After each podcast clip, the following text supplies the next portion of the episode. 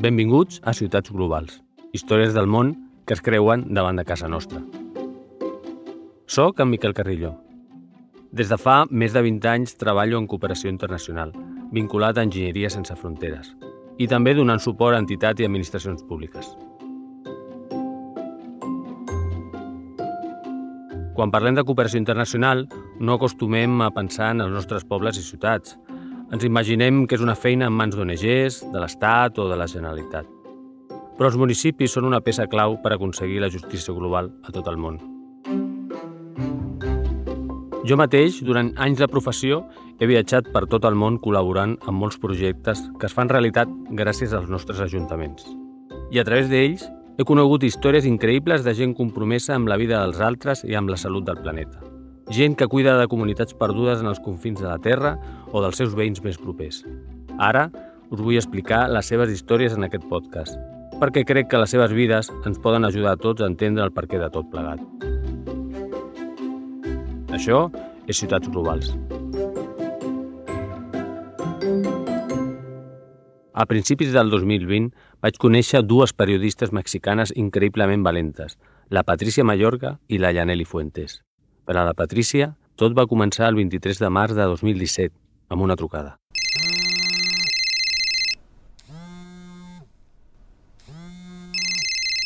Me desperté para, porque pues para despertar a mi hija y todo esto. Dejé mi teléfono a un lado y andaba haciendo cosas normales de la mañana. Y el teléfono empezó como, o sea, estaba, no dejaba como de parpadear y bueno, ya era mucha la insistencia y me lo, recibí la llamada, tomé la llamada y era un funcionario de la Comisión Nacional de Derechos Humanos para preguntarme que sí qué opinaba del homicidio o el asesinato de Miroslava, ¿no? Y, este, y así fue. O sea, ya él se dio cuenta que yo no sabía porque ya no pude responder nada y me dijo que me hablaba más tarde. En Chihuahua fue asesinada la periodista Miroslava Bridge-Belducea. Su única arma eran las palabras, pero el crimen organizado le respondió con balas. Esto ocurrió alrededor de las 7 de la mañana cuando ella salía de su casa. Miroslava tenía 54 años de edad, era corresponsal justamente del periódico La Jornada. Era un dijous qualsevol. Miroslava Bridge sortia de casa seva a la ciutat de Chihuahua i va pujar a la seva camioneta. Asseguda davant del volant, Esperava el seu fill per portar-lo a l'escola, quan un home se li va acostar i li va disparar vuit trets.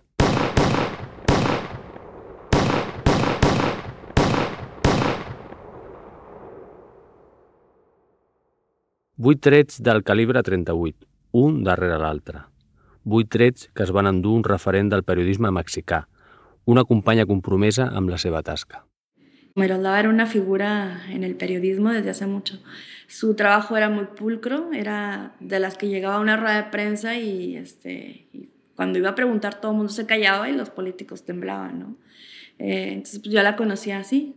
La Miroslava escrivia al diari La Jornada i la Patrícia al setmanari Proceso. Totes dues informaven sobre la violència que patien les comunitats de l'estat de Chihuahua. Les seves investigacions van anar unint els seus destins. Como que yo siento que la violencia eh, o, el estar cubriendo o animándonos a cubrir más allá eh, nos, nos, fue uniendo de manera muy natural, ¿no? Pero cuando yo toqué Chinipas, de donde era ella, este, como más formalmente se acercó a mí para decir, o sea, como para compartirnos mutuamente de dónde venía la información, cómo podíamos, este, fortalecer nuestras coberturas y sobre todo no, no hacerlo tan solas, ¿no? tan aisladas.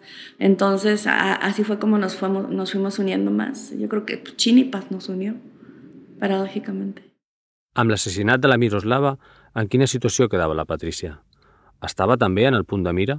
Aquell matí del 23 de març, després de conèixer la mort de la seva amiga i companya, la Patrícia va rebre una segona trucada.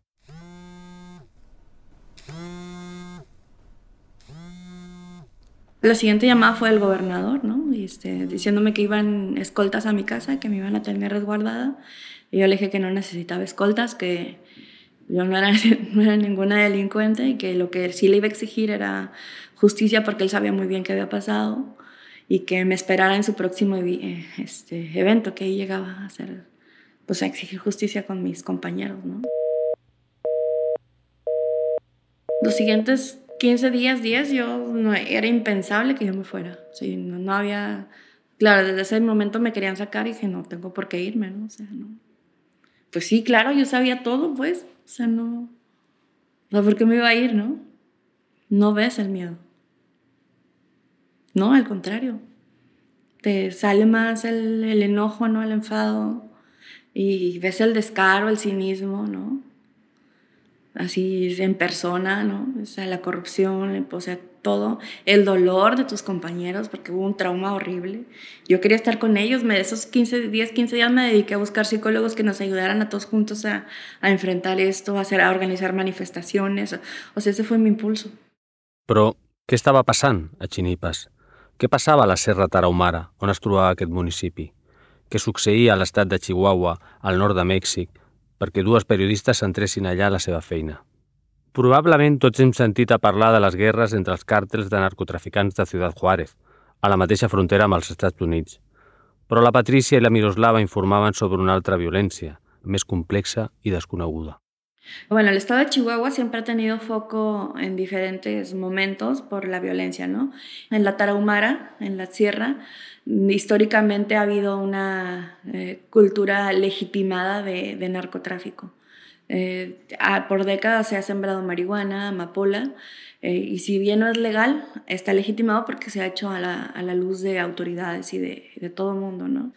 Y una manera de ir ganando plazas y después territorios es a través de generar terror, miedo, ¿no? Entonces hay homicidios, desapariciones, al rato ya no solo quieren como la droga que compran los o, que siembran y cosechan los productores, sino quieren el territorio. Entonces todo esto lo fui documentando y publicando, y porque pues, cuando le pones como nombre y apellido ya incomoda. El narco ja no només sembra por per traficar amb drogues. Actualment, el seu negoci s'ha expandit i diversificat. Mèxic té grans recursos naturals per explotar, i en això el poder polític, el poder econòmic i el crim organitzat estan d'acord. Da la casualidad de que sobre todo los, los municipios como eh, el Valle de Juárez, que está cerca de Juárez, o la Tarahumara, que, que, eran como los más violentos y donde más se expulsaron gente, resulta que es rico en, en gas shale o gas natural.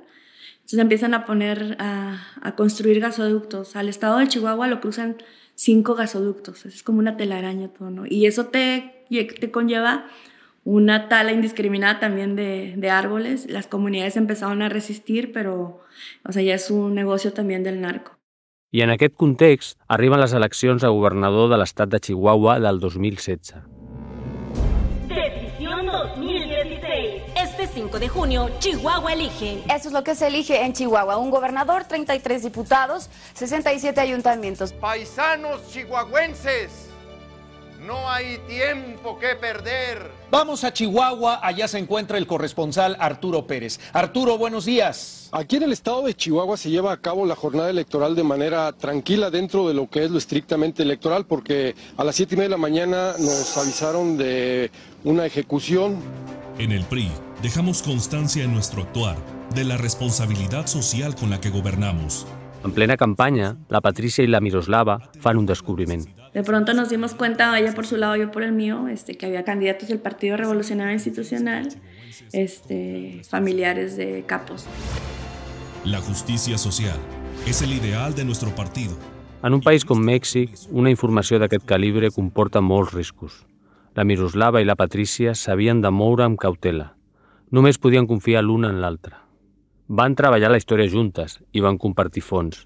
Van tirar del fil fins a encaixar totes les peces del reportatge. I van decidir publicar la història, cadascuna en el seu mitjà. Això sí, les dues alhora, com a mesura de protecció. L'article de la Patrícia va sortir al setmanari Proceso el 4 de març de 2016. Es titulava així En el procés electoral de Chihuahua, el narco s'infiltra al PRI. Li vaig demanar la Patricia que llegís alta una part d'aquest article. 4 de marzo de 2016. El fin de semana pasado, el PRI emitió la lista completa de aspirantes a alcaldes o alcaldesas y saltó a la vista de inmediato el nombre de Juan Miguel Salazar Ochoa, quien se registró como precandidato priista a la alcaldía del municipio serrano de Chinipas. Juan Salazar es sobrino de Adán Salazar, presunto líder de la célula criminal Los Salazar, que trabajaba por el cártel de Sinaloa, en particular para Joaquín El Chapo Guzmán.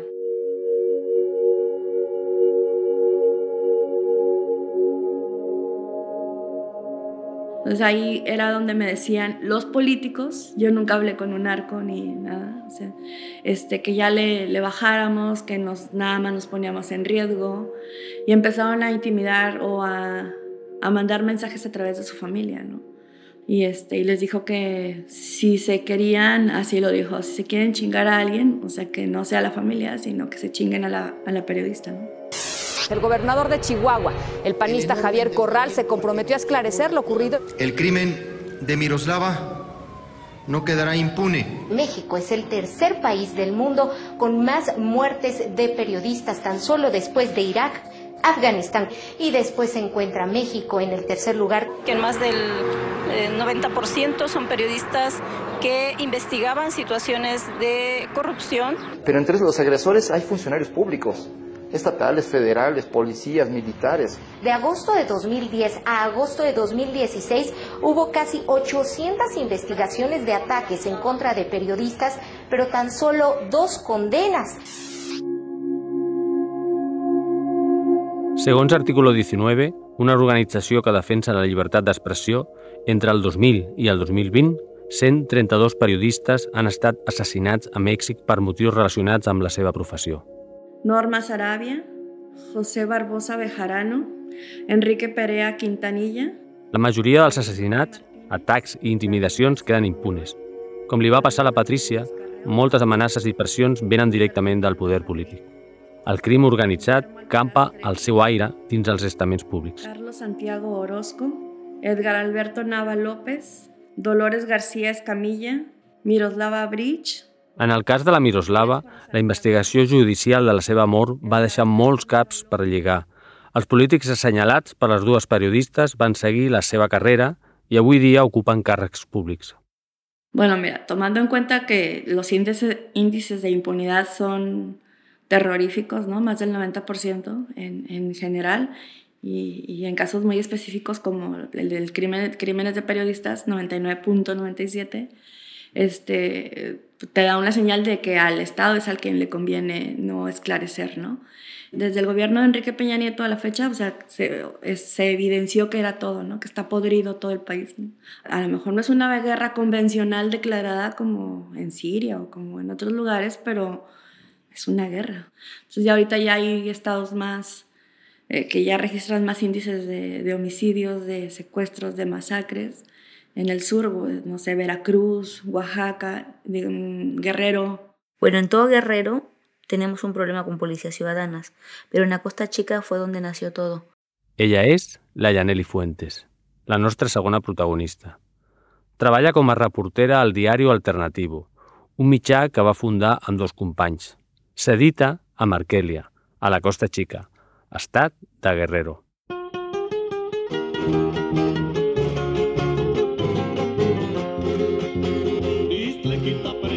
Nací en la Ciudad de México, pero eh, vivo en el estado de Guerrero, sobre el, el Pacífico, eh, desde, desde los 15 días de, de, vida, ¿no? de nacida. Nos rodean ríos, nos rodea el mar, lagunas. Eh, es un pueblo que se dedica a la pesca, que se dedica a la, a la agricultura, a la ganadería. Vaya, la mayoría o somos campesinos o somos pescadores. La Costa Chica és un lloc idíl·lic, plena de paratges naturals, però també és una de les zones més violentes de Mèxic. Aquí és on la Llanelli exerceix el periodisme. Mai va pensar en ser reportera, ni va sentir la vocació, i tot i així es va llançar un nou diari. Y es porque, bueno, ahí únicamente había un, un medio, un medio informativo, que era quien controlaba realmente pues toda la información. Eh, entonces, pues ya la alternativa era eso, ¿no? La alternativa, justamente, la alternativa de, de, información, como el medio que nosotros queríamos darle a los ciudadanos para que pudieran hacer uso de él, ¿no? Dar a conocer y visibilizar varios, ciertos eh, problemas sociales que se daban ahí que el otro medio no estaba tocando. Y bueno, desde que estuve la primera vez en el taller, desde que imprimimos, ¿no? o sea, desde que salió nuestra primera edición, eh, que fue el 27 de noviembre en 2014, pues yo dije, ya, aquí este taller yo no me voy a mover porque aquí me gusta, porque me sentía, no sé, conociendo otro mundo totalmente diferente, ¿no? Al que ya conocía antes, mi mundo era como tan pequeño, tan reducido. Diari Alternatiu es distribueix sobretot a les comunitats rurals de la zona. Les mateixes comunitats que pateixen la violència indiscriminada de grups armats que volen controlar aquests territoris. L'Estat no ha estat capaç de protegir aquestes poblacions i és per això que es van crear policies comunitàries com a mecanismes d'autodefensa.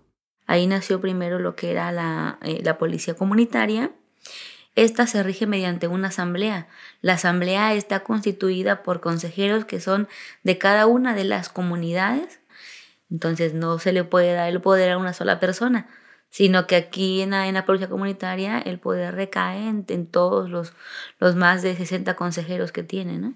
Pero uno de ellos eh, creó otra policía, una policía ciudadana. Ya no policía comunitaria, sino policía ciudadana. Les primeres policies comunitàries eren legals i actuaven sota el comandament d'una assemblea.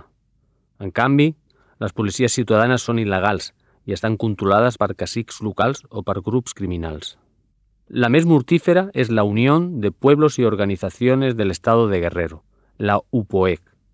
L'Estat va permetre que creixés sense control i el 2017 ja reunia un exèrcit de 5.300 efectius. De Costa Chica controlan el 80%. O sea, de los, de los 15 municipios, yo creo que están en 12 municipios, ¿no? Controlan desde quienes entran a territorio, operan como, como, como un sistema de, de, justicia, ¿no? Supuestamente ellos, eh, no sé, fabrican delitos, eh, asesinan, secuestran, torturan, el negocio de trata de, trata de personas, de, de, de mujeres. Aparte, claro, o sea, eso, eso es uno de los tantos ingresos. I l'estat de Guerrero també és ric en matèries primeres per explotar. Un altre gran negoci a part de la droga. Son grupos eh, armados al servicio de las, de, la, de, de las mineras, ¿no? Eh, que vaya, de estos grupos eh, que, que entran, ¿no? Como a llevarse todos nuestros recursos, necesitan controlar el territorio para poder tener esos ingresos. S'assembla al que explicava la Patrícia a la Sierra Tarahumara, no? Grups armats i violents controlen una zona perquè els narcos puguin explotar-la. I ja no només és la droga, és un negoci totalment diversificat.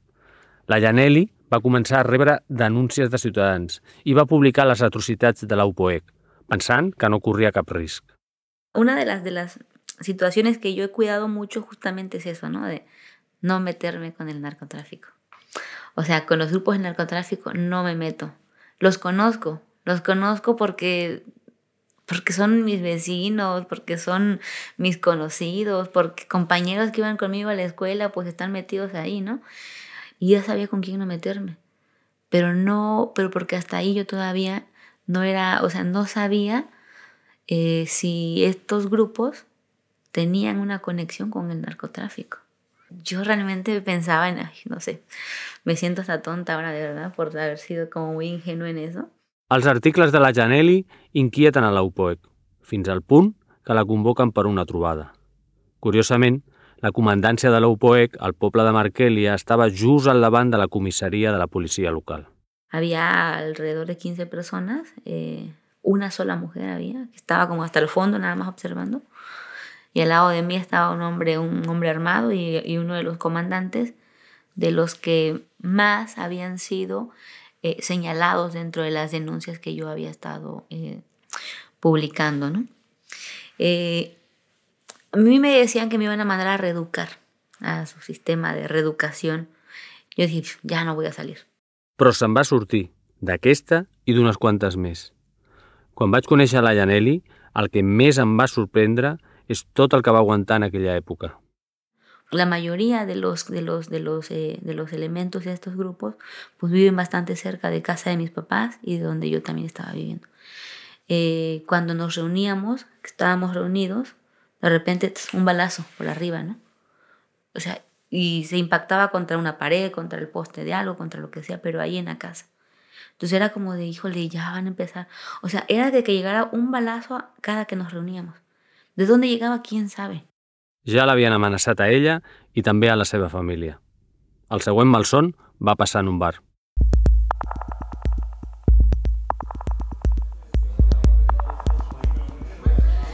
Yo lo que hacía era que a cada negocio, sea de día, sea de noche, lo que sea, yo tenía que ver antes de entrar. Justamente era parte de las, de las medidas de cuidado que yo, estaba, que yo había adoptado, ¿no? Eh, y cuando me senté fue cuando ya eché un vistazo alrededor y había tres sujetos de Navarra. Y reconocí a uno de ellos.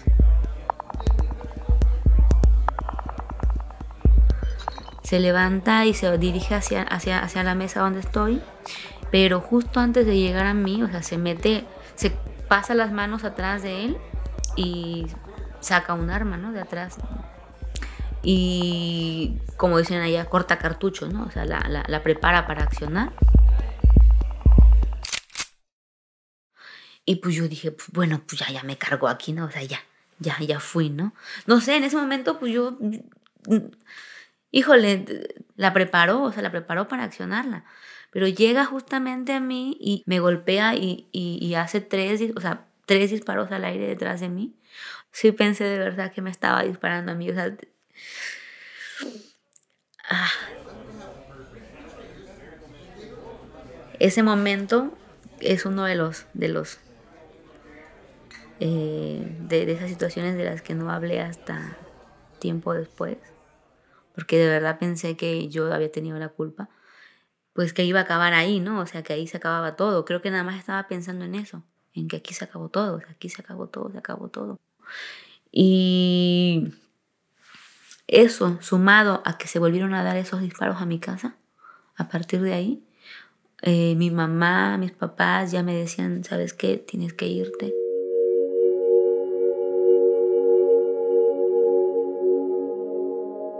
Tomé lo primero que agarré, mis cosas y aventé en una maleta. Y a las 12 de la noche yo me estaba yendo ya.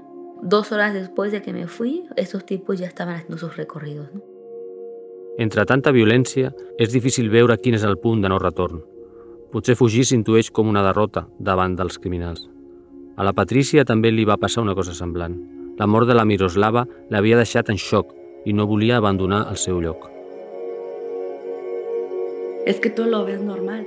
Vamos viviendo todos juntos esto. Si el, eh, el vecino o la gente de la sierra que tiene más precariedad que tú, que tú tienes más privilegios y él no, que, que tiene más pobreza, se está animando a denunciar actos de corrupción y tú eres periodista, ¿qué haces? O sea, no, no, no ves el riesgo, ni sientes el miedo. Hasta que ya poco a poco fui como, o sea, me hicieron entender que me tenía que ir. I que estoy fuera, pues sí, tres anys. La Patricia va passar un temps al Perú, abans d'arribar a Barcelona. Aquí va coincidir amb la Yaneli. Totes dues van ser acollides pel programa Barcelona protegeix periodistes de Mèxic, amb el suport de la Taula per Mèxic i l'Ajuntament. La Taula per Mèxic és una xarxa de persones que treballen des de Barcelona per la pau i la protecció dels drets humans a Mèxic. El crim no coneix fronteres. De fet, la corrupció mexicana també ha arribat aquí. L'antic cònsul de Mèxic a Barcelona, en Fidel Herrera, va ser obligat a dimitir quan es van destapar els seus vincles amb el narco.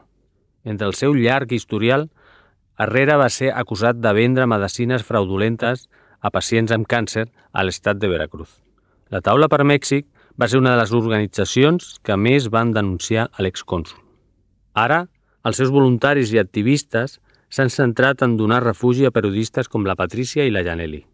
La Guara Rebollo és qui s'encarrega de donar suport psicològic durant la seva estada de sis mesos a Barcelona. En el proceso que hacen en Barcelona, temas eh, muy comunes suelen ser la vergüenza, la culpa, el miedo, el enojo, el enfado, la ira contenida. Cuando llego aquí, yo ya había tomado distancia, por decirlo así, ya llego con conciencia de miedo, de riesgo, de todo, ¿no? Para seguir recuperándome o seguir entrenándome, porque tenía que tomar distancia emocional, llegué a Perú, aquí a Barcelona así como un poco a fuerzas. Este, pues sí decía muy bonita ciudad, pero no sé cómo para qué sí me sirve. Los primeros tres meses, fatal, terrible, los peores de mi vida Porque digo, la ciudad es muy bonita y todo lo que quieras, pero la situación en la que vengo no se presta para disfrutarla. Después de esos tres meses de superar mi crisis, ¿no? de, de poder asimilar que lo estoy pasando, pues y ya, ¿no? Eh, ya empecé como a tener ahora sí ya un poquito más de claridad, ¿no? O sea, el cambio muchas veces se ve precisamente en esa capacidad de verse eh, como verse como personas y poder eh, dejar y soltar la muerte eh, con la que se han encontrado diariamente en su trabajo. Aquí te reciben con todo. A mí me han dado la oportunidad de sentirme todo lo mal que quiera, pero también de levantarme. No se han rendido conmigo a pesar de todo lo mala onda que he sido a veces por toda esta situación que traigo. Pero ellos han estado ahí creyendo en todo momento. Yo te puedo decir que es, tiene, es el programa más completo que yo haya conocido este, para periodistas desplazados, ¿no? Este, que, que les aprendes mucho, ¿no? Y que, eh, o sea, ya que, con que haya un corazón y como algo que te esté como diciendo, a ver, espérate, no hay problema, ¿no? O sea, todo va a estar bien, ¿no? La Janelli i la Patrícia han viscut juntes en un pis de Barcelona al llarg de tot aquest procés de recuperació personal, allunyades del soroll de la violència. Malgrat tot, els ha estat impossible deixar de defensar tot allò en el que creuen. Les causes ens persegueixen, les portem a sobre, ens les trobem allà on tenem. Escoltem ara la Janelli durant la celebració del 8 de març a Barcelona, l'any 2020. Hoy salgo a la calle, lejos de mi casa, lejos de mi familia y fuera de mi país, pero acompañada por ustedes para seguir alzando la voz, porque nunca más volverán a tener la comodidad de nuestro silencio y que sepan que juntas podemos poner el mundo de cabeza si es necesario. Hoy les quiero recordar algo que todas ya sabemos, pero que hoy vamos a reivindicar. Se va a caer, el patriarcado se va a caer porque nosotras lo vamos a tirar. La Patrícia, per la seva banda, no ha deixat d'escriure i ha seguit informant. Una de las ejes que yo traía como de terapeuta que no hacer aquí es este, ya no reportear aquí, ¿no? Porque ya traía muchas cosas acumuladas que tengo que sacar y por lo, pues sí, por lo emocional hay bloqueos y por todo el cambio y hay que sacarlo, ¿no? Pero pues no pude. Chihuahua, pues todavía no logro soltar bien. No sé, es difícil. No puedes dejar de ser periodista de la noche a la mañana, ¿no? Davant la impunitat dels atacs rebuts, només queda tornar, seguir lluitant en el seu país. Però això no és fàcil en absolut. Eh, regresar a México en sí, pues, digo, hay lugares donde te puedes ocultar y nadie te puede, o sea, nadie sabe de ti, ¿no? Eh, pero de regresar a mi casa, regresar a mi estado, sí tengo miedo. Bueno, tocó piso mexicano, este, y de ahí no, sí, ahí sí no, no me gustaría como contar, ¿no? No sé cuánto tiempo me pueda quedar ahí, ¿no? Este, igual está la opción de irme a Sudamérica o, o establecerme en otra región que no sea Chihuahua. La Patrícia i la Janelli ja han deixat Barcelona i nous periodistes mexicans han arribat buscant refugi. L'amenaça a la premsa compromesa amb els drets humans continua. Desgraciadament, quan preparàvem aquest programa, van conèixer una nova víctima. Quiero eh, comentarles que este, pues ante una situación de riesgo que, que, vuelvo a vivir una vez más por parte de uno de los integrantes de, del grupo Totonacapan, eh, conocido por todos ustedes, el ex alcalde de Coyutla, el ingeniero camerino Basilio Picasso Pérez, eh, pues ha vertido una vez más amenazas sobre mi persona, concretamente el pasado 29 de marzo. La periodista Maria Elena Ferral denunciava així, mesos enrere, les amenaces que rebia. Dies després d'elaborar aquest programa, va ser tirotejada i assassinada a Veracruz, pels mateixos motius que li van prendre la vida a Miroslava Bridge, per no ser còmplice, fins a l'últim moment, tal i com li va dir la Miroslava a la Patrícia, en la seva última conversa abans de morir. Nos sentamos a desayunar el primero de febrero y ella me dijo que ella, y siempre era su frase, ¿no? Dice, dice yo me niego a ser cómplice, ¿no? Esa fue como la, claro, hubo lágrimas, hubo todo, ¿no? Hablamos mucho de nuestra vida personal como mujeres, como, ¿no? Este, de lo, del, del machismo, ¿no? Que preferíamos así como eh, estar como sin, sin, sin pareja, o sea, todo eso hablamos.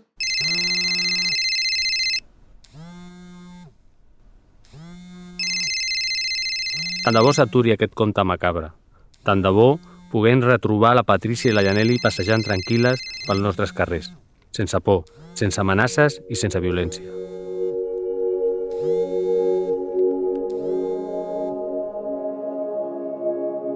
Tant de bo no hi hagi més trucades a mitjanit ni hagin de venir més periodistes mexicans a refugiar-se a Barcelona. I fins aquí, Ciutats Globals. En el proper capítol, més històries del món que es creuen davant de casa nostra. Ciutats Globals és possible gràcies al Fons Català de Cooperació al Desenvolupament. Compta amb el suport de la Diputació de Barcelona i la col·laboració del diari Ara.